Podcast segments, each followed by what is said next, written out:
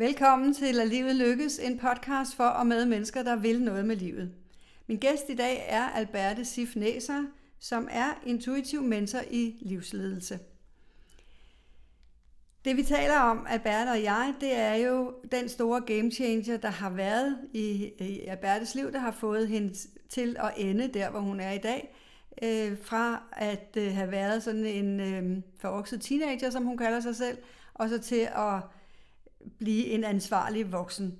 Og det er jo ikke nogen selvfølge, det er rent faktisk det at blive voksen. Det er jo ikke kun noget, vi bliver i år og øh, i vores øh, fysiske krop, men det er faktisk også noget, vi skal blive mentalt og følelsesmæssigt, og det kommer faktisk ikke af sig selv.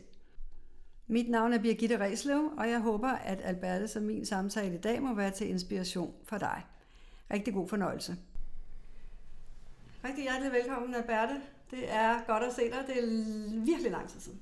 Det er det. Ja. Det er også dejligt at ja. se dig. Og øh, vi har jo øh, kendt hinanden for mange år siden, hvor vi læste samme, samme øh, tid på, vi læste psykoterapi. I hvert fald noget af tiden sammen. Ja. Fordi så smuttede du. Ja. Ja, fordi du skulle ud og rejse. Og der, det er jo sådan med dig, at du har nogle...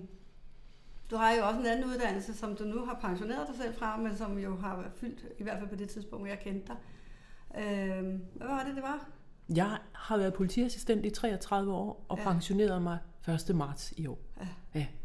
Så det vil sige, at op på det tidspunkt, sådan som jeg husker det, der skulle du faktisk udsendes et eller andet sted til, ikke også? Georgien? Mm. Ja. Så, øh, så du har været ude for nogle forskellige ting, og det jeg kunne, øh, det jeg rigtig gerne vil tale med dig om i dag, det er jo det her med vores liv. Når vi sådan ser tilbage, det kan både du og jeg gøre, øh, så er der jo nogle game changers, der er simpelthen nogle punkter, og her tænker jeg ikke på, at så blev man lige, mødte man lige en eller anden øh, lækker mand, og så blev man gift med ham. Altså det er ikke sådan, jeg tænker på en game changer. Jeg tænker sådan, at vores liv øh, tager en ny retning, øh, og, og, og fører os nye steder hen, som vi ikke havde forudset. Øh, og jeg kan i hvert fald tælle, altså de der store game changers, der har jeg måske en 3-4 stykker, som jeg kan komme i tanke om. Ikke? Så det er ikke sådan nogen, vi oplever hver eneste dag. Men det er noget, der virkelig sådan øh, flytter brækkerne på vores spilleplade. Øh, så, øh, så det kunne jeg godt tænke mig at tale med dig om. Både hvad det er for nogle hvad skal man sige, game changers, du har haft, som du kan se tilbage på. Øh, og også hvad de har gjort ved dig. Altså hvad der fik dig derhen, og hvad det, hvordan det oplevedes, den her game changer, og hvad de har gjort ved dig. Så hvad siger du til det? Er du frisk på det? Jeg er så frisk, og jeg er også nysgerrig på det, fordi jeg arbejder jo intuitivt. Ja. Altså i dag er jeg psykoterapeut og, og mentor for livsledelse, øh, og driver min lille forretning med det. Så jeg har gået på pension fra et, men er så startet rigtigt op på noget andet. Øh, har dog mange års erfaring i at have klienter osv.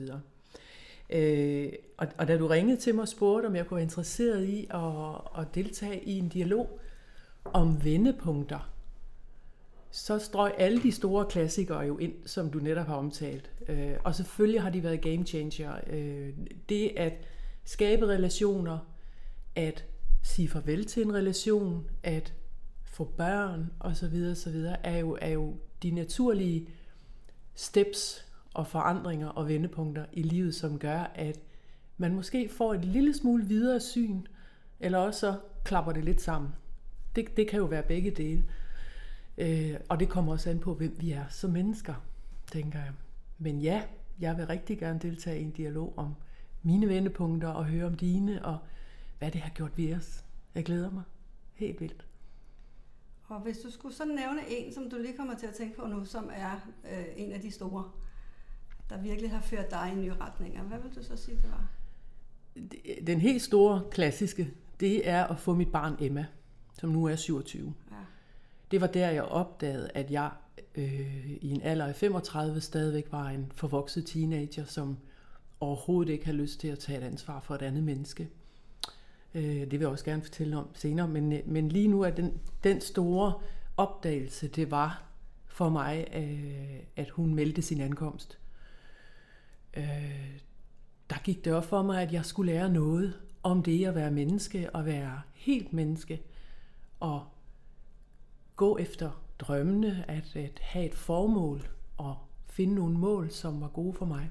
Hvad var det, der gjorde, at du, altså, ja, altså udover at du får hende, men der er jo noget inde i dig, der gør, Ja. ikke? At det her, det bliver en øh, Det, det var, jamen, det var som om, også, der kom, Ja. det var som om, der åbnede sig en kanal til mig fra et sted, jeg ikke havde mødt før. Nu er jeg ikke bange for at sige, at det var et spirituelt sted, der åbnede sig i mig, og, og at det kommer fra, fra øh, universet, om du vil. Det var i hvert fald et signal til mig om, at der er noget, jeg har brug for at lære, fordi jeg var godt klar over, at det at få et barn, havde jeg jo set alle mine veninder få osv., medførte, at, at nu har jeg så stort ansvar. Jeg har et ansvar for, at et lille menneske, som kommer til mig og beslutter sig for, at jeg skal være mor for hende, at hun faktisk skal lære mig noget. Og hvad var det, der skete? Hvad var det, der åbnede øjnene på den måde for dig? Altså, fordi vi har jo alle sammen, eller det har vi jo ikke alle sammen, men mange af os har jo prøvet at få børn, ikke også? Øh, så hvad er det, der... øh, Altså, hvad var det, der skete for dig, der, der fik øh, dig til at... øh, Hvad skal jeg kalde det? Erkende hvad skal man sige, at du skulle tage et nyt, øh, en, en ny retning på en eller anden Mm. måde. Der var noget i dig, der skulle modnes, sådan hører jeg dig også sige det. Der var noget i dig, Præcis. der, der, så der var et eller andet, du manglede, eller noget, der Mhm. ikke var, du oplevede, der ikke var der. Helt sikkert. Og det, det, først og fremmest så vil jeg sige, at det, som jeg havde levet med, det var jo at afvise frygt for, frygt for kærlighed, frygt for at skabe nære relationer, frygt for at tage ansvar, øh, frygt for livet i virkeligheden. Og det gjorde det ved at afvise. Det gjorde jeg ved at afvise det og holde det ude i armslængde, således at ingen rigtig fik lov til at komme ind. Og da jeg så skulle have mit eget lille barn, så var jeg jo godt klar over, at, at sådan kan jeg jo ikke opdrage hende. Der handler det jo om noget, som jeg senere skulle lære, hed nærvær. Hvor vidste du det fra? Altså, Vidste hvor, jeg ikke. hvor mærkede du den der, at der var noget, du skulle lære der? I kroppen. Jamen, det, det kom i kroppen. Altså, det var en, øh, det kom som en eksplosion. Og, og en kæmpe udvidelse, sådan, hvis jeg taler ud fra et spirituelt sted, en kæmpe udvidelse af mit erkendelsesapparat og min, min kropslige sansning. Altså det der med at agere på noget, når, når, når sanserne kommer. For jeg tror jo nu på rigtig meget, at, at hvis du mærker efter din godt feeling, om du vil, din intuition, som jo bor i din krop, i sansningerne, også i subtil krop osv., men, men det bor i mine sanser. Og lige så snart jeg oplever en sansning, så er jeg nu lært, eller har jeg nu lært, at, at gå ind i den og gå med den, i stedet for at afvise den. Og det var der, det skete. Det var simpelthen den der eksplosion af sansninger. Det var i maven og i brystkassen og i hovedet. Og så var det... Øh, og for uden sansningerne, så var det jo også en, en, øh, en, en tomhed i hovedet. Altså, der var ikke nogen tanker, der kunne hjælpe mig. Øh, brystede mig af, at jeg var skide klog og kunne regne den ud i en fart og så videre. Men det der kunne jeg ikke bruge til noget. Der kunne jeg faktisk ikke bruge mit hoved til en skid for at se det rent ud. Øhm, så derfor så var jeg nødt til at gå med sanserne og finde ud af, hvad handler det her om? Og der vidste jeg bare, at der manglede rigtig meget på mange parametre. Jeg blev nødt til at blive voksen og moden på en eller anden måde. Og det er en erkendelse, der kom til dig? Altså med, I det øjeblik, øh, ja. I det øjeblik. Og, øh, og jeg havde selvfølgelig hørt om veninder, der havde søgt hjælp hos terapeuter og i- af alle mulige slags. Og jeg anede ikke, hvad jeg skulle, så jeg ringede til en ven, som, øh, som øh, henviste mig til en, øh, en gestaltterapeut. Og så gik jeg hos hende i et stykke tid og blev nysgerrig på, at det var en, en ny rejse. Indså simpelthen, at fra det øjeblik, der startede en ny rejse for mig. Øh, og det vendepunkt var, at det er også rørende. Jeg kan godt mærke, at det berører mig rigtig meget at tale om det. Og det er dejligt. Fordi det var jo en gave at få pludselig at opdage, at der var noget, jeg kunne blive bedre til. Der var noget, jeg kunne gøre bedre. Der var en bedre måde for mig at være på. Og det var stort. At jeg ikke bare behøvede at flyve forvirret rundt og du ved, gribe nuet og i virkeligheden afvise alt og alle øh, på min vej. Men at der var mulighed for at skabe noget nærhed og, og varme og kærlighed i mit liv, at det også var tilladt for mig at have det. Det skete i det sekund. Så det var nærmest sådan en øh, åbenbaring, kan man sige det? Fuldstændig. Ikke nærmest. Det fordi var det, en åbenbaring. Fordi, ja, fordi det lyder som om, at det kom som altså på en gang. Mm. Det gjorde det også. Ja. ja. Det har formodentlig ligget latent og hvilet og, og forsøgt at komme frem, hvor jeg så har afvist det med, med overspringshandlinger og øh, fest og farver og øh, nye arbejdsområder, eller fordybe mig alt, alt, alt for meget i mit arbejde. Og at have jagtet hvileløst rundt efter øh, oplevelser og, og underholdning og viden, sådan konkret viden, og uden egentlig at have det store formål til lige pludselig at lande ikke noget, der forkramper sig og strammer sig op i mig, men som udvider sig. Det i sig selv var en, en, øh, en oplevelse, som, som jeg faktisk næsten ikke kan sætte flere ord på, fordi det var sgu stort. Det, var... det lyder også som om, det er noget andet end det, som øh, mange andre oplever, og som, altså mig selv inklusiv, som, som tit kommer fra sådan en følelse af frustration. Altså sådan en dyb frustration, når det er, at vi, vi, øh, vi får de her muligheder, kan man sige, for at skabe denne her store forandring. Fordi det er jo det lyder som om, at du har fået det på sådan i en øh, marketerning, ikke? Altså du ved, du har fået det som en hel øh, bakke, mens øh, vi andre, vi skal arbejde lidt mere for det mange gange, ikke? Altså, øh, eller vi skal i hvert fald være lydhøre over for den frustration, vi har, og hvad det er, den egentlig ved os. Men det lyder ikke som om, du har haft en decideret frustration i forhold til, hvor du var. I, i virkeligheden en livslang frustration. Men, men det er jo en, øh, det er jo fordi, at der opstod nogle andre vendepunkter i mit liv tidligere, som gjorde, at, øh, at jeg ligesom, skal man sige, kapslede min, min evne til at skabe nære relationer ind og gemte den væk i mig, fordi det var for farligt. Øhm, og, og, og ja, det kan godt være, at det var en, en åbenbaring, det vil jeg gerne kalde det, fordi det var det sgu. Men det var også noget, jeg kunne godt mærke, at da det så åbnede sig, så havde det ligget latent i mig. Der var kommet budskaber fra venner, fra bekendte, fra familien. Øh, burde du nu ikke tage det roligere, var en af dem, jeg husker. Hvad med, om du øh, gik ledervejen i politiet, for eksempel? Og jeg tænkte bare, Gud fader bevar mig. Aldrig i livet, om jeg skal, jeg skal have ansvar for andre mennesker. Det tør jeg simpelthen ikke så opdager de måske, at jeg bare er sådan en øh, forvokset teenager, der ikke rigtig kan finde mål med her i livet, men som bare galopperer rundt for at få underholdning. Så jeg kan i gåseøjne øh, sove den ud i fred og ro, og der forsøge at restituere mig. Det var en evig jagt på underholdning, kærlighed i virkeligheden også, som jeg så samtidig afviste hver gang, fordi jeg var bange for det. Så det var også sådan en, en hvad skal man sige, og den, øh, den tror jeg, der er rigtig mange, der kan genkende. Så den her søgen efter øh, meningen uden for en selv. Ikke også? Altså, hvad er det, vi er her for? Hvad er det, der, hvad er indholdet yeah. i mit liv? Ja, det er noget, yeah. der må komme til mig udefra. Mm. Men dybest set, så, øh, så finder vi jo faktisk først meningen, når vi begynder at søge indad. Ikke? Altså, det er jo derinde, at, at vi finder vores egen vej og vores egen mening med livet. Vi kan faktisk ikke få det til at ske udefra. Det kan. Uanset hvor meget vi kæmper. Det er rigtigt, Birgitte. Og det, det er bare sådan, det er så vigtigt, at både du og jeg ved det. Vi ved simpelthen, at den eneste rejse, det er jo, og som en sagde til mig i dag, den længste rejse, den går fra hovedet til hjertet.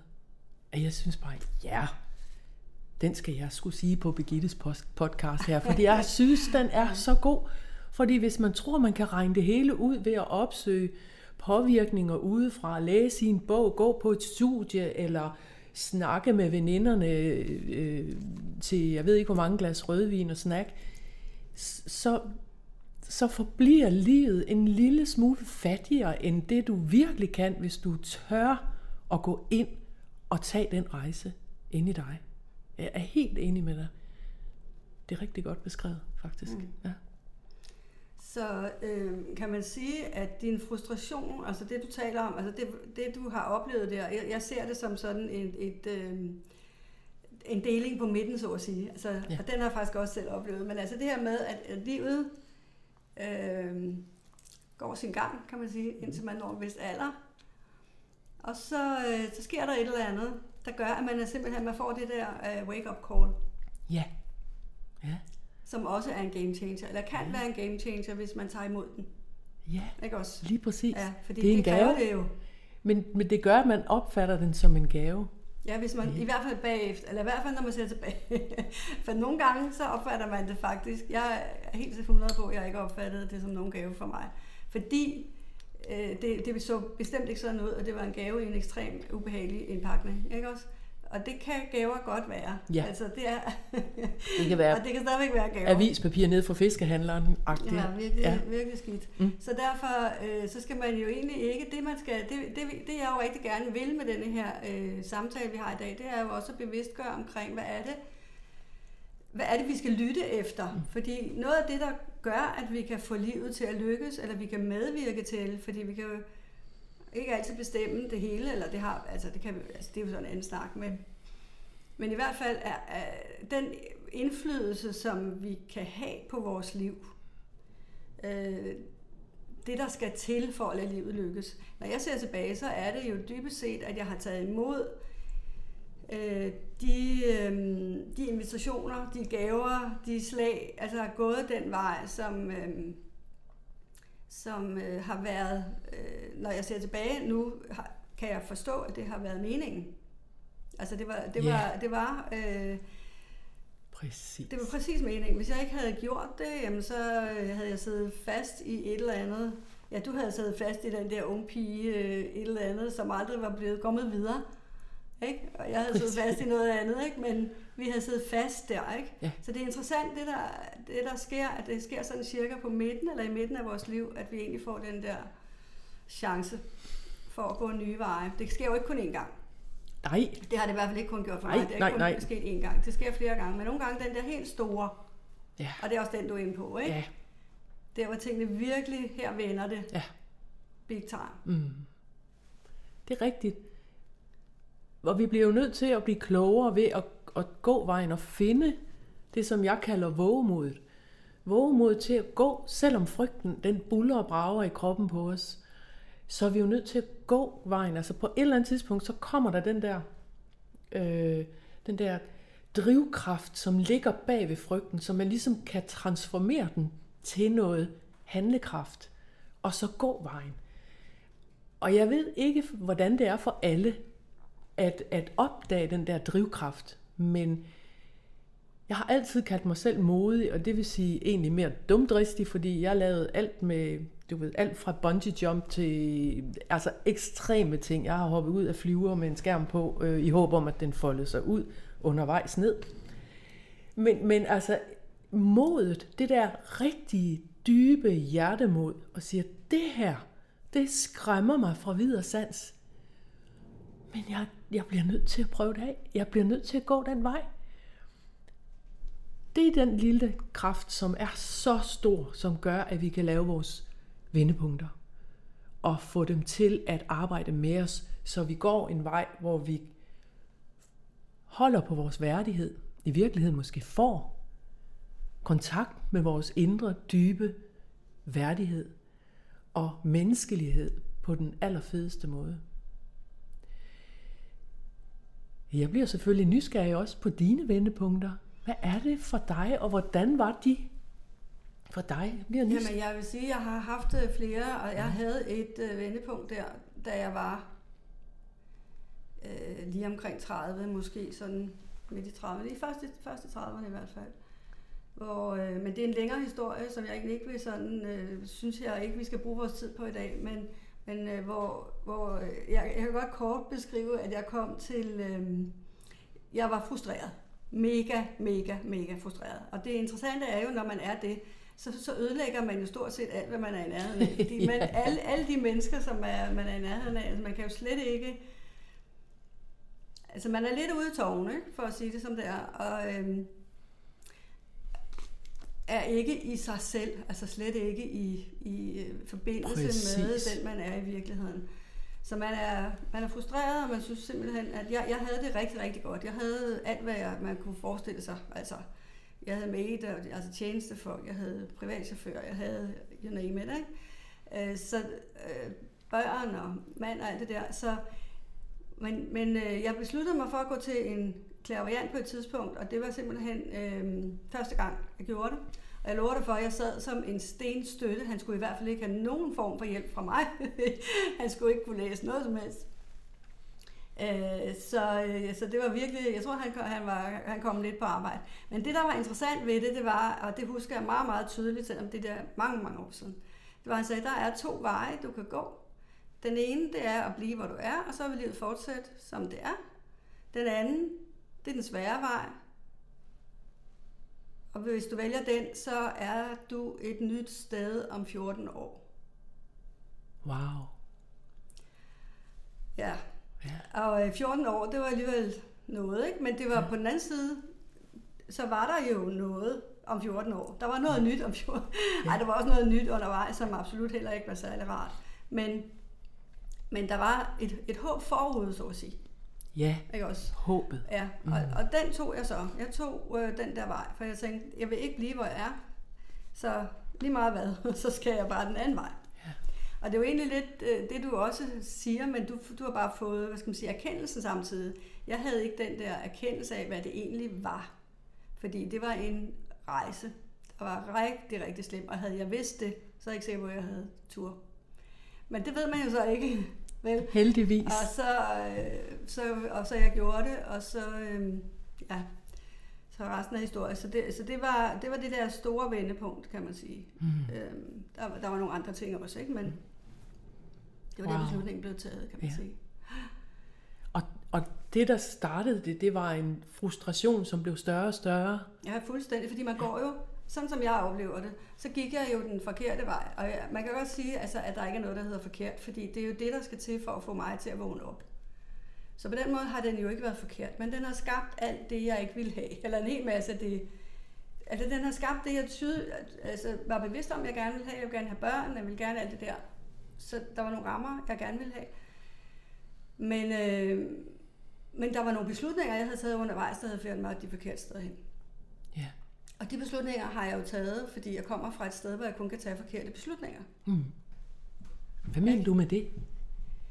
Hvad betyder det? Øh, ja, det er interessant. Hvordan kan det være? Ikke? Og det er jo på, på grund af vores traumer. Det er jo fordi, at når man har traumer med sig, så er der kun én vej. Øh, og det er i virkeligheden at få de traumer bearbejdet, fordi ellers så vil de hele tiden føre os i retninger, der er...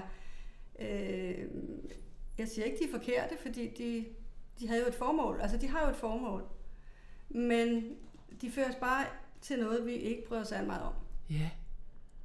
Fravær af noget. Ja, ja og, og fravær dybest set er os selv. Ikke? Altså ja, jeg synes jo, jeg var, jeg, var, jeg var så død heldig, at, jeg, at det her, hvad skal man sige, alt det her skete på sådan et relativt tidligt tidspunkt i mit liv.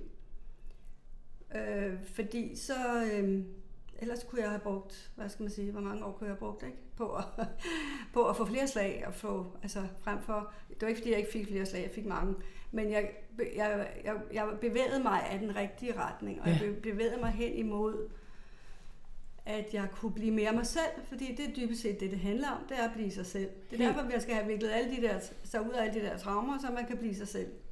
Det er der i håbet ligger, ja. som du omtalte ja. før. Det ja. Er, ja, det er vejen til en selv, fordi det er der, øh, hvor, du, øh, hvor du møder den, du er i virkeligheden. Præcis. Er det ikke et fint billede? Jo. At møde et, smej, et spejl, og så pludselig opdage, hej, der er du. og lande, altså ja. lande i det, hvor, hvor jeg bare kan mærke i dag, at jeg har det bedre, end jeg har haft det på noget tidspunkt i mit liv. Så altså bare lande i sig selv og være øh, integreret, har jeg lyst til at sige. Ja. Med alt det, altså rumme alt, hvad jeg er. Kunne være i livet på en måde, som er givende og meningsfuld for mig. Ja. Men den rejse, den tror jeg ikke, at der er nogen af os, der kommer udenom. Jeg er sikker på, at der ikke er nogen af os, der kommer udenom den. Fordi den er forudsætning. Det er det, vi er for. Det er vores livs formål. Mm. Det er simpelthen at vikle os ud af alt det, vi er blevet viklet ind i, sådan så vi kommer ud og bliver selv. Ja. Ej, hvor er det smukt. Og jeg, jeg får sådan lyst til, til at sige lidt om den der rejse, som du siger. Hvorfor hulen skulle du vælge den svære? Hvorfor valgte du ikke bare den nemme? Du havde det hele. Øh, materielle den var ikke, Den var overhovedet ikke nem. Den var jo, øh, altså, den var den fyldt var med frustration. frustrerende, ja. og, og den var slet ikke nem. Tværtimod, den mm. var... Øh, det var jo en, en kamp og i konflikt, og i, altså det var jo hele tiden. Og øh, ja, altså det, det var slet ikke nemt. Nej, og en af de ting, jeg, der kommer til mig lige nu, når du fortæller om den der svære rejse, som du valgte, i stedet for den tilsyneladende nemme rejse, som set udefra var nem og behagelig osv. Den svære rejse valgte du, og, og der, det får i hvert fald mig til at tænke på, at min svære rejse, for det var jo nøjagtigt det samme, jeg gjorde på min måde, det handlede meget om at, at tage ansvaret. At jeg vidste ikke, det var mig, jeg ledte efter, må jeg skynde mig at sige. Så, så klog var jeg sgu ikke som øh, 35-årig. Men min svære rejse, den handlede i rigtig høj grad om, at jeg skulle ikke ville have det der ansvar. Helst heller ikke for mig selv. Det betød, at alt, hvad det hed skyld, det røg ud til de andre. Det var hele verdens skyld. Og det var en af de store og mest vanskelige opdagelser at gøre undervejs på min rejse. Og jeg kan ikke fortælle dig, hvornår den kom, men den der erkendelse af, at jeg bliver nødt til at tage ansvaret 100% for mig selv. Også de sider af mig, som jeg egentlig helst vil være fri for at kigge i øjnene. Og det fløj jo ud af skabene med skeletter, Øh, fordi vi er jo, altså i min verden er vi yin og yang, vi er balance, vi er sort og hvidt, mørkt og lyst. Og det vi kan gøre, det er jo at, at være med det og opdage det og undersøge det, således at det kan blive transformeret til en, en ikke en overvægt, men i hvert fald en, en rare måde at være i verden på, ved at erkende, at jeg er lyset, jeg er kærligheden, jeg er sgu et godt menneske, og jeg gør, hvad jeg kan jeg fejler helt vildt undervejs. Jeg gør det hver eneste dag. Forleden, øh, og det var en af de der voldsomme nogen, der fløj jeg i struben på en stakkels pige, der skulle hjælpe mig op ved Elgiganten, fordi jeg skulle op og købe udstyr. Og jeg var topstresset. Så jeg smed jo alt, hvad det hed ansvar for min stress og frustration og mangel på teknisk viden osv. Lige i fjæset på hende.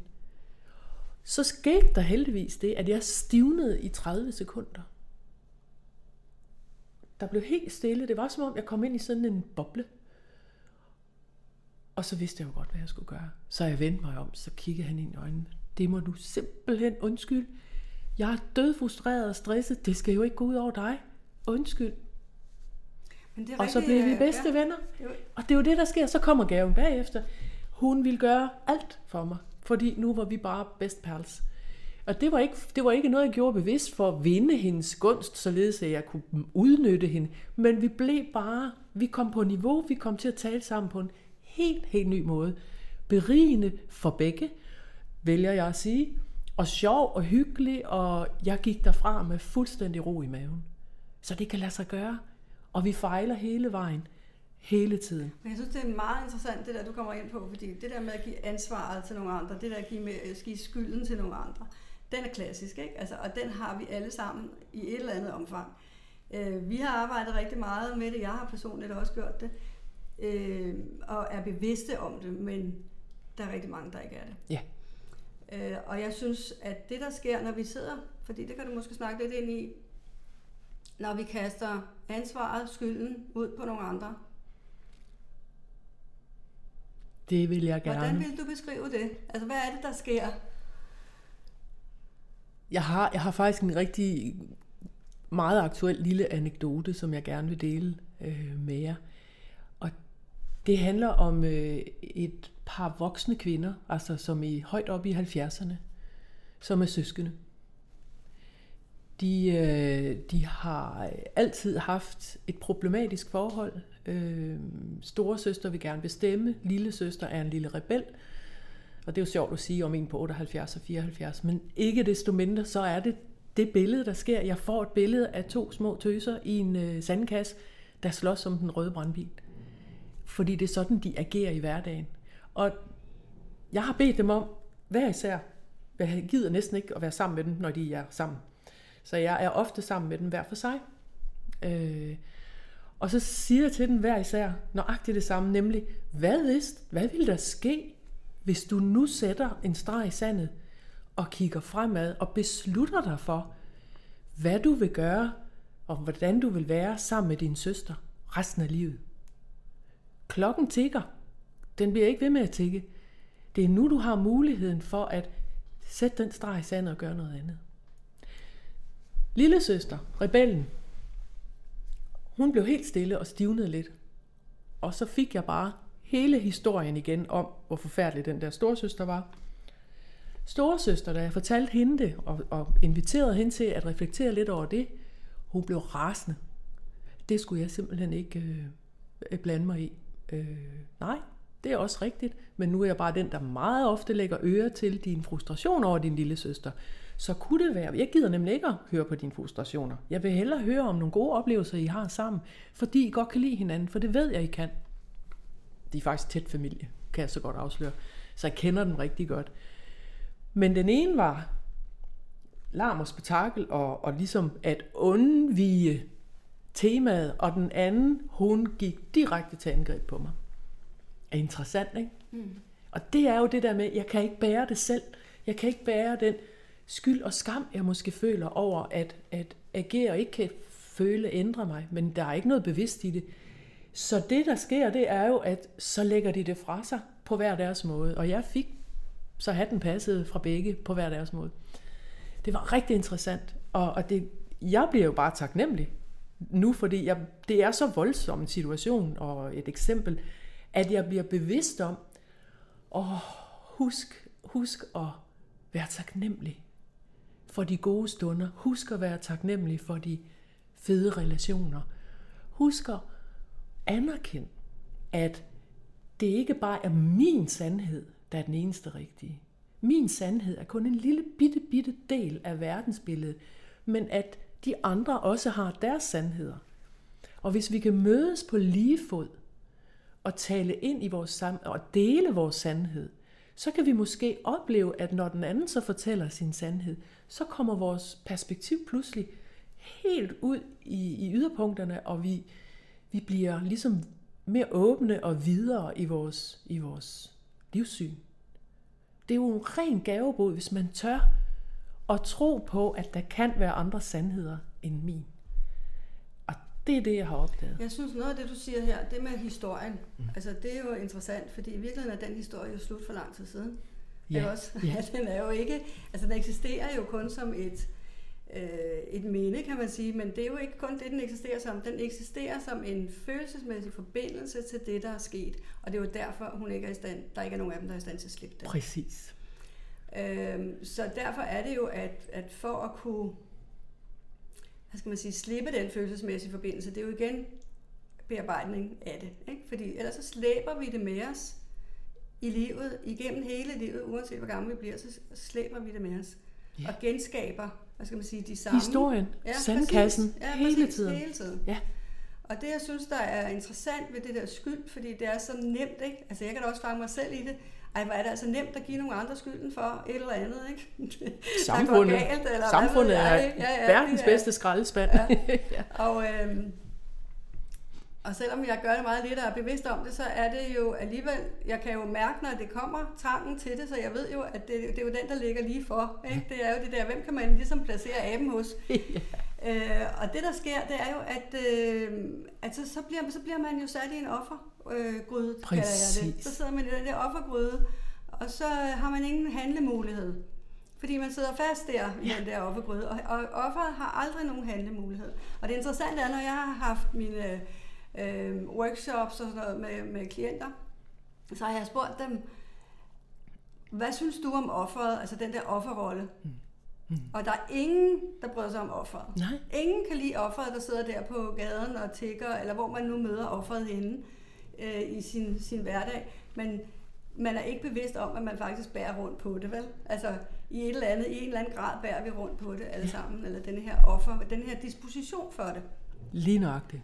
Så det kræver faktisk en handling eller en bevidst, øh, bevidsthed omkring, at hvis jeg sidder der og gerne vil give alle andre skylden, mm. Så sætter jeg mig selv i den rolle, hvor jeg ja. intet kan gøre, og hvor mm. jeg er magtesløs. Så hvis Præcis. jeg vil noget andet, så skal jeg træde ud af den, og så skal jeg ind i en rolle, hvor jeg får øh, ja, magten tilbage. Altså, ja. at, at være i stand til at mestre sit liv, det er jo at få magten Præcis. tilbage i sit liv. Ikke? Og det kan man ikke ned for den offergryde der. Har du en opskrift? Kunne jeg da godt tænke mig vide. øh, ja, det har jeg. Øh, jeg har faktisk, altså jeg, det jeg siger lige nu, at blive bevidst om det, det er ja. faktisk et skridt på vejen. Ja. Men jeg tror ikke på, at vi kan hive os selv ud af den offergryde, medmindre vi rent faktisk bearbejder årsagen til, at vi sidder der. Lige nøjagtigt. Lige præcis. Ja. Men det starter jo med nuet, der hvor man føler, ja, at man sidder nede i gryden ja. af æv et møgsted at sidde. Virkelig. Og man skal jo opleve det som det, fordi det nemmeste i verden, Præcis. er jo, når, når man nu ser alle de der øh, på, på Facebook og hvor som helst, hvor de skriver negative kommentarer om alt muligt. Ja. Jamen altså, det er jo så nemt, ikke? At, at fare i blækhuset og skrive og, og gøre ved til andre mennesker om andre mennesker. Og øh, det skaber jo en afstand. Altså, så får jeg alle mine frustrationer lagt ud i verden til nogle andre. Men de andre Altså, de kan sgu ikke redde mig og mine frustrationer, det kan jeg kun selv. De opdager ikke engang, de, de får den. De opdager ikke engang, de får dem. Nej, måske ikke engang. Nej, mega irriterende. Kunne de bare tage den og virkelig føle og den der mega trælse følelse? sådan, som jeg gerne vil have det, eller som jeg har brug for det. Så jeg bliver fri. Ja, præcis. Men altså, sådan, ah, men det er, sådan er verden jo altså bare ikke. Altså, den, den, den ændrer sig altså ikke i forhold til, hvordan vi har brug for, at den skal være. Den ændrer Nej. sig først og slet ikke, når det er fra det sted. som du siger. Ja, ja. nej, lige præcis. Og det er jo rigtigt, men bevidstheden skal jo dukke op på en eller anden måde. Og hvordan gør den så det? Ja, det gør den for eksempel ved at lytte til os to. Det vil jo være en skidegod idé. Men noget andet, det er også, at, at, at få fat i sanserne, få fat i følelserne, og få fat i, i tankerne om dig selv. Det er i hvert fald en af mine metoder. Det er jo, hvis jeg kan mærke, at der er noget, der begynder at omkring mig, i mig, at, at mærkes ubehageligt, at der er en træls følelse, at jeg bliver ked af det, eller min energi er flad som en pandekage. Hvis jeg opdager det, for det er ikke altid, øh, så er det, jeg begynder at tænke, jamen, hvad sker der? Hvorfor har du det sådan? Og bruger mit gode hoved. Og hvem var det, der gjorde det? Det første indskydelse er, ligesom du siger, ej, kan jeg ikke kaste den over på nogen? Så er det nemlig meget nemmere at være mig. Men det ved jeg godt, det, det passer bare ikke, fordi man bliver ikke lettere i sindet eller noget andet sted i sit system, hvis man bare lige får kastet, når det er også naboen, der er en dum skid, og han larmer for meget, eller hvad han nu gør. Men at gå ind og få mærket efter og sanse, også sanse, hvad sker der i kroppen? Fordi det er også en af kanalerne ind til det dybere sted i dig. Den frygt, den nemlig altid medfører, som det er i hvert fald min påstand, som oftest medfører, at du lander i offergryden. Der ligger en bagvedliggende frygt, noget du ikke har lyst til at gøre, fordi det er så smertefuldt i dig, at, at du tror, du går i mm. stykker. Mm. Så derfor så er det nemmere at blive offret, kaste skylden rundt omkring, og så kan man sidde dernede og kugelure, indtil man får fat i sine sanser og får bearbejdet. Og det er muligt, man skal have hjælp til det fra sådan nogen som dig og mig, eller andre dygtige mennesker her i verden, for der findes masser af dem så få fat i jamen, den her smerte, som jeg føler, den her, det her ubehag, jeg føler i brystet eller i maven eller et andet sted, uro i benene, som om, at de har lyst til at stikke af, øh, helst med mig med. Fordi det er ikke rart at sidde i den der øh, gryde, som du kalder den. Og jeg synes, det er et rigtig godt billede, fordi man sidder faktisk og er lidt sammenkrampet i hele systemet, i, i hele hjertet, i maven, i hovedet. Man kan simpelthen ikke finde en vej ud af det. Så det der med at sidde og kaste skyld ud i alle retninger, ligesom øh, popcorn, der bobler over. Øh, der skal vi have fat i vores sanser. Vi skal have fat i følelsen, der er forbundet med den sans. Og så skal vi have fat i, hvad er det for en tanke, der opstår i mig om mig. Der begynder der at åbne sig noget.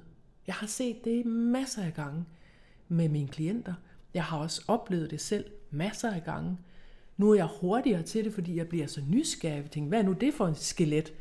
Et skelet i skabet, som banker på for at komme ud. Ja, fordi det du siger der, det er jo nemlig det, det handler om. Det handler jo om, at det, det handler om os selv. Altså de følelser, som vi gerne vil smide over til nogle andre, det er jo faktisk noget, der handler om os selv. Ikke? Og det, oh yes. jeg siger altid, det er jo det, der er så fantastisk, fordi når det handler om dig, jamen så har du også mulighed for at gøre noget ved det. Lige præcis. Ikke? Og når det handler om andre, så kan du faktisk ikke gøre noget. Ikke en pind. Så. Men øh, jeg synes, vi skal høre lidt mere om dig, Alberte, faktisk. Okay. Øh, fordi, øh, fordi du havde det her store vendepunkt. Øh, hvor førte det dig hen, vil du sige? Øh, det førte mig dybt ned i lommerne for det første, fordi det var jo ikke billigt, men, øh, men øh, jeg åbnede faktisk op hos, hos nogle... Jeg har tre veninder fra teenageårene, som, øh, som af en eller anden mærkelig grund har holdt fast i, i, i vores venskab. Og det kan nogle gange forundre mig, og det er noget, jeg er dybt taknemmelig over. Det er øh, mine veninder Lisbeth og Marianne og Susanne. Øh, de har haft evnen til at være overbærende og bløde og rummelige, og kunne rumme mig, som får rundt som, som en flue i en flaske, og forsøgte at finde ud af, hvordan jeg skulle leve livet. Og det skulle i hvert fald ikke være så kedeligt, som alle de andres liv var. Det skulle være spændende, det skulle være sjovt, det skulle være smart i en fart, det skulle være, lynhurtigt.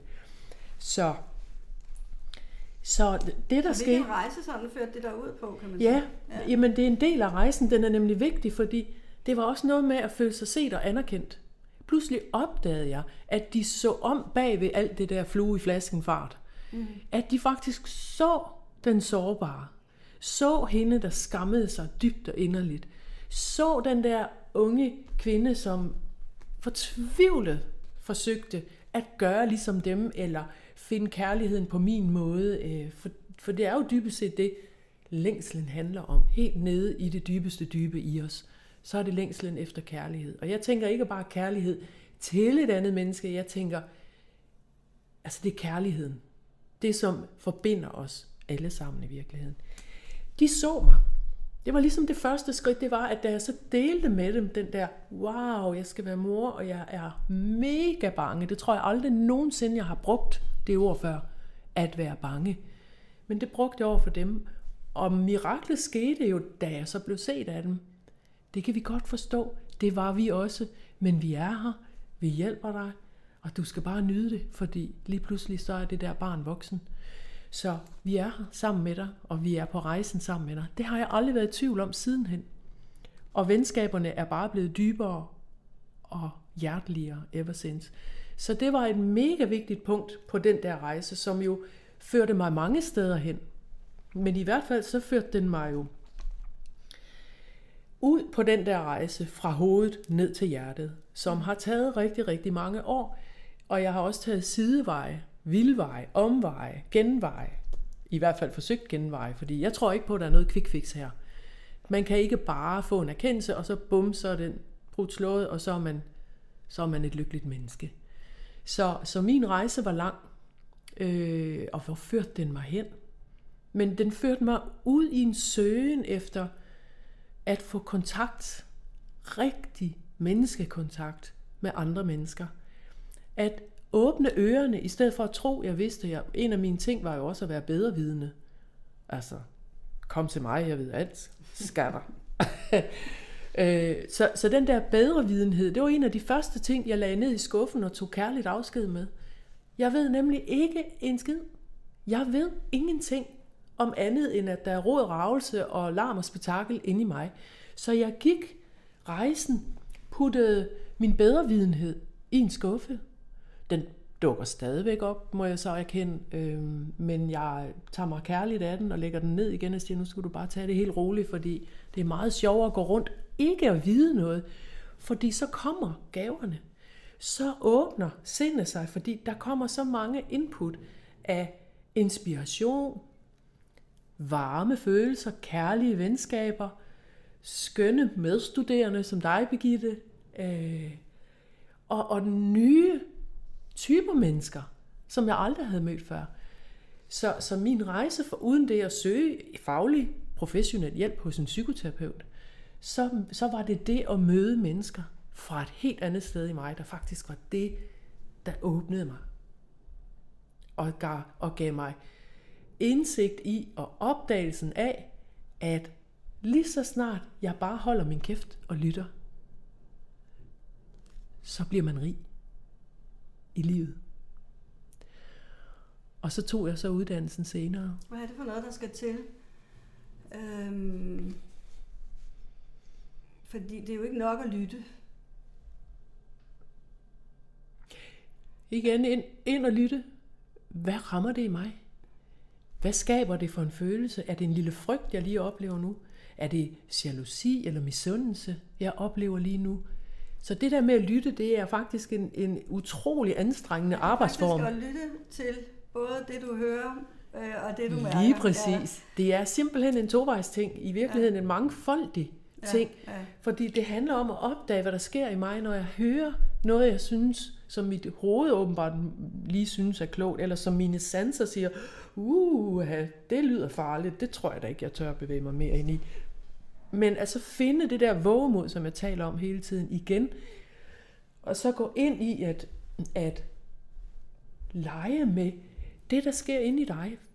Det er lidt at lege med sig selv på den fede måde. Altså, hvad er det, Mærk efter, sanse. Er det en krølle i maven? Er det en øh, sammentrækning i brystkassen? Er det, er det hjertet, der banker lidt hurtigere? Eller er det igen de der ben, der forsøger at stikke af? Og hvad ville det sige nogen, hvis øh, du skulle oversætte det? Hmm.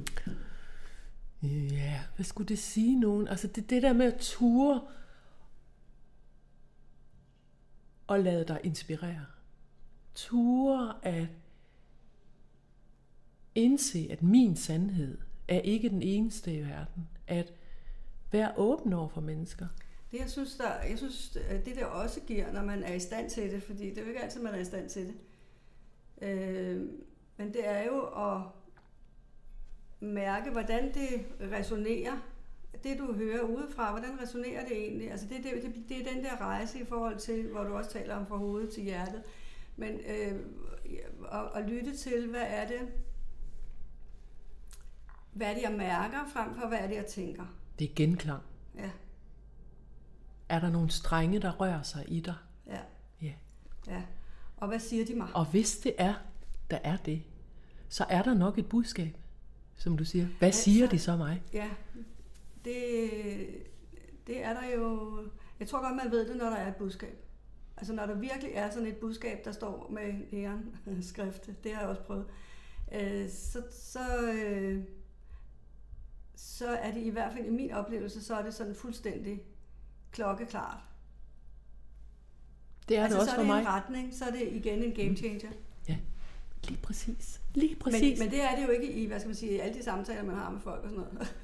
Langt fra. Jo slet ikke, vel? Det med al respekt der. for, hvad, ja. fordi Men vi har den er vigtig, fordi det er også den der med at, at lytte til, hvis der virkelig er noget, der rammer en, hvor man bare kan mærke, ja, genklangen, som du, øh, som du siger, hvor man bare kan mærke, det her, det er til mig. Ja, det er til mig. Når man Lige kan mærke, præcis. det her, det er til mig. Super. så skal man godt nok lytte efter. Ja. Fordi det er dem, der er, dem er vi så gode til at overhøre. Ja. Dem, selvom det står stort set klokkeklart, det her, det er til mig, for det tror jeg næsten alle kan registrere, så har vi en hel masse, der kommer lige bagefter, så kommer der Jamen, det kan ikke lade sig gøre, fordi du ikke? så har vi 700 forklaringer på, hvorfor det ikke kan lade sig gøre. Dem skal man overhøre, fordi det er ikke de kloge. Dem, det er dem, der kommer fra hovedet, nemlig. Mm. Lige præcis. Ikke? Og dem, der kommer fra hovedet, de kommer fra frygten, de ja. kommer fra fortidsmanesien, som jeg kalder det, som er, skal passe på os, og som ikke vil have, at vi kommer ud i noget, vi ikke ved, hvad er for noget, fordi vi har ikke prøvet det før. Så den der lille, kraftige stemme, der siger sådan helt entydigt, det her, det er til dig. Den skal man høre på. Ja. Den har i hvert fald, øh, altså der, så kommer man på rette vej, eller så har man muligheden for at komme på rette vej. Ja. Og man skal række ud til sine nærmeste, eller andre, man har tillid til, eller øh, øh, hvem som helst, hvis ikke man selv kan finde ud af at få oversat det sprog, som kroppen har til dig. For det er rigtig ofte, at mennesker ikke, jamen jeg kan ikke mærke min krop, siger de så at det kender jeg erfarne psykoterapeuter, der faktisk siger også. Ja. Det forstår jeg så ikke helt, og jeg forsøger virkelig at, at fange, hvad det er, hun mener med det. Det er særligt en veninde, jeg har en skøn veninde. Jeg kan sgu ikke mærke min krop, siger hun. Så der, altså jeg oversætter det, som om der ligger en masse traumer, som ikke skal behandles endnu. Altså, og hun har en eller anden grad af bevidsthed om det, for hun er faktisk et vist menneske. Øhm, øh, men det er fuldstændig rigtigt, hvad du siger, og jeg bliver, øh, jeg bliver helt varm ved tanken om det. Alle de gaver, der kommer, når, når nu, hov her skal du altså lige høre efter, fordi det her, der krøllede det lige ned i maven, eller der skete noget andet. Men det er jo fordi, altså sådan som jeg forstår det, og nu ved jeg ikke, om du forstår det på samme måde, men det er faktisk sådan vores øh, system, altså jeg taler om vores system i forhold til øh, krop, sind, psyke og sjæl, vores højere bevidsthed, som, som et. Enig. Og, øh, og det her system, det kommunikerer til os via sådan nogle input. Ja. Altså, og hvis vi ikke hører efter, jamen, så er det, at vi bliver ved med at tage nogle beslutninger, der føres i retninger, som, som ikke øh, føles rigtige. Ikke? Ja. Altså, ja. Og, og det kræver, nu siger du det med hende, altså det, det kræver jo træning at høre. Ja. Øhm, det kræver også en vilje. Det kræver ja. faktisk den der vilje til at begynde at tage sig selv alvorligt, ja. vil jeg gerne sige. Mm. Præcis. Og ikke, netop ikke være så øhm, bange for livet, fordi der, folk sidder fast i denne her følelse af, at, at livet det er sådan noget, vi skal virkelig passe på, og vi skal passe på vores penge, og vi skal passe på, du ved.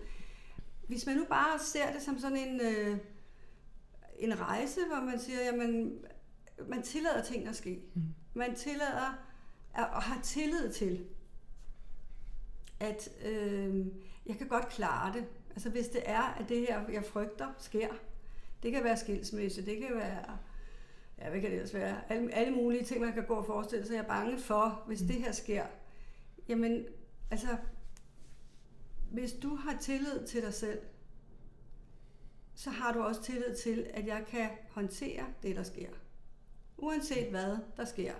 Altså jeg vil så aldrig nogensinde kaste mig, mit, mit barnbarn spurgte forleden dag, om jeg ville ud og gå i sådan en, hvad søren hedder den, hvor man skal gå fra det ene træ til, til, den anden, til det andet, og så holde i sådan en der. Ja, så skal jeg i hvert fald lige træne først. ja. så det er ikke sådan nogle ting, jeg mener, vel? Men det her med, at man, øh, man, at man ser livet som sådan en uh, mulighedernes legeplads. Ja. Fordi det er jo det, den, det, er jo det, det er. Sted. Ja. Fedt sted at være. Ja. ja. Og hvor man ikke er så bange for at gribe mulighederne, ikke ja. er så bange for at gå vejen, mm. og så tænker, jamen, skulle det ske, at det her er den forkerte vej? Ja, men så vælger en anden. Ja, fordi intentionen har været god. Ja. Det kan godt være, at vi tager fejl, og det gør vi 100.000 gange i løbet af vores liv. Og vi kan også være åh så bevidste, og vi kan gå åh den rigtige vej, og vi arbejder på livet løs på at være den bedste udgave af os selv igen og igen. Men vi tager fejl hele tiden, og det bedste redskab, jeg har fundet, det er rummeligheden. Det er rummeligheden af, at ja, jeg tager fejl. Jeg er ikke perfekt. Jeg er fuldstændig perfekt uperfekt. Og det er egentlig en fed øh, opdagelse. Fordi så bliver livet altså lidt sjovere og lidt nemmere og lidt blødere. Og jeg kan godt lide det bløde i mig. Jeg synes, jeg synes når du bruger det ord der rummelig, øh, så er det sådan et ord, jeg godt kan lide, fordi det er jo i virkeligheden af det, som bearbejdningen af de her traumer, vi har talt om, det giver jo netop plads ja. til rummeligheden. Ja. Og det vi kan rumme allerførst, det er os selv. Det er faktisk det, der er allervigtigst, for der, der er så mange, der er i stand til at rumme alle mulige andre, ja. men ikke sig selv. Det er rigtigt. Så det, at man kan rumme sig selv, at rumme, rumme sig selv med alt, hvad man indeholder, skidt og kanel, mm. øhm, at man kan rumme, det betyder nemlig også, at man kan rumme livet, når det byder sig til med noget, som vi ikke lige havde ønsket. Ikke? Øh, så kan vi også rumme os selv på en anden måde, end at, at vi kan gå og, og blive irriteret og slå fra os og blive gale over, at øh, der er sket et eller andet med os. Ikke? Altså, at vi kaster den der skyld ud og, og, og den der, de der følelser, vi går og bærer rundt på, når vi, øh, når vi har det på den måde, at vi ikke kan bære os selv, og vi ikke kan bære vores egne følelser. Så det der med, du har også brugt det ord værdighed, det er at rumme livet og rumme mm. sig selv, det er faktisk det, der gør, at vi med værdighed kan rumme, hvad skal man sige, alt det, der sker. Ja, helt enig. Jeg har et, øh, et, et smukt billede. Jeg har en, en af mine dejlige veninder, er meget alvorligt syg. Og, øh, og rigtig mange af hendes, i hendes omgang øh, har så travlt med, at nu skal lægerne safthus må også snart opfinde den øh, cancerpille, som bare redder os alle. Og, og de skal gøre noget, og det skal være nu. Og, og hun læser dem og tager imod dem som med kærlighed, fordi hun ved godt, det er kærlighed, der egentlig bliver udtrykt. Og, og og angst for døden, og angst for alt det der, som skal ske. Og hvis hun nu forsvinder lige om lidt, hvad så? Det hun siger til mig, for det talte vi nemlig om, det var, og det, det ramte mig et rigtig dybt sted, det var, ved du hvad, Alberte, jeg kan jo ikke gå og bekymre mig. Altså, livet er her lige nu, og hvad der sker i morgen, eller om 10 år, eller øh, på et andet tidspunkt, det har jeg ingen pejling om. Og jeg gider heller ikke at gå og, og bekymre mig om det. Så, så jeg er i nuet. Øh, og jeg skal lige tilføje, at hun har smerter, og hun øh, har det rigtig skidt. Øh, men, men alligevel formår hun, fordi hun er så livskraftig og livs, øh, har så meget livslyst, at hun faktisk formår at leve i nuet, at være i nuet, glæde sig over hvert eneste lille sekund. Ja, og så, så fokuserer hun jo også på det, der er godt, frem for på det, der er skidt. Lige præcis. Lige præcis. Selvom smerterne er der, og de kan, være, de kan godt tage over, fordi det, det kan være mm. voldsomt. Det ved mm. vi jo alle sammen med store smerter. Eller det kan vi måske ikke engang forestille os, det ved jeg ikke. Men, men øh, jeg sender hende lige en masse kærlighed, fordi jeg er så taknemmelig for, at den deling med mig, fordi det, det gjorde også, at jeg igen blev opmærksom på, vi har livet lige her og nu. Det er så dyrebart.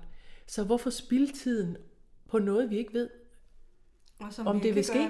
Vi kan overhovedet ikke gøre ja. noget ved fremtiden alligevel. Vi kan lægge planer fra nu af til juleaften, men, men det gavner os ikke i nuet. Vi skal glæde os over det, vi har i øjeblikket. Det er rigtigt. Mm. Ja, vi er enige. Blandt andet den her ja. mega fede samtale med dig, Birgitte. Rigtig dejligt. Ja. At få lov til lige at reflektere over ja. Kommer vores nogle, vindepunkter. Ja, præcis. Mm. Ja. Så øh, hvis du sådan skulle sådan lige runde det her af med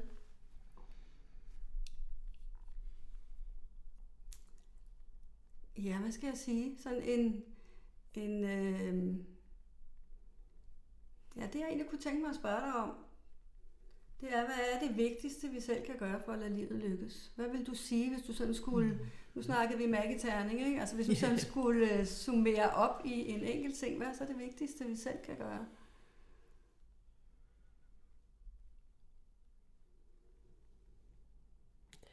Det, det bliver simpelthen øh, det bliver et lån fra en, øh, en lille, et lille opslag, jeg så på Facebook for noget tid siden, hvor og, og, og det vil jeg egentlig bare bringe videre i, i det træne version, og det er, lav fejl. Lav fejl. Ha' en fest, men lav fejlene, og så lærer jeg den. Ja, for så er det jo ikke fejl, jo. Hvis man Nej. har lært af dem. så er det en ren gavebod. Ja. Og det er det, livet er. Smukt og dyrebart, redselsfuldt, frygt, indgydende, skamfuldt og forfærdeligt og helt vidunderligt. Ja. Hvad er det, vi er her for, vil du sige? Mm. Wow, det var stort her på falderæbet. Ja. Vi slutter ikke med det små. Nej, vi går med brask og bram. Øhm,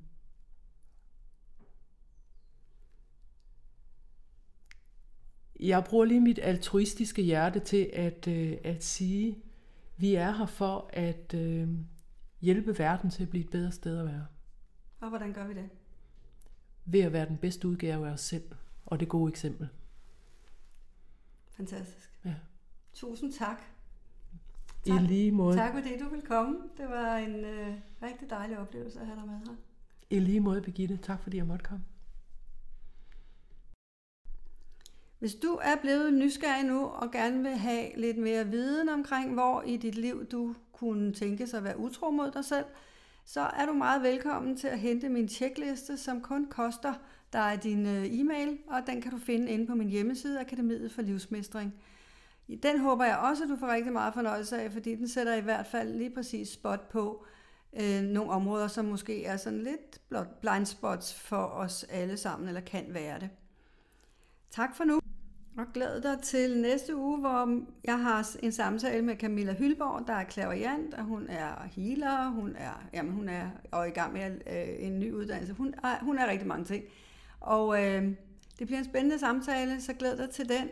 Og husk at følge med, sådan så du får den lige præcis, når den udkommer.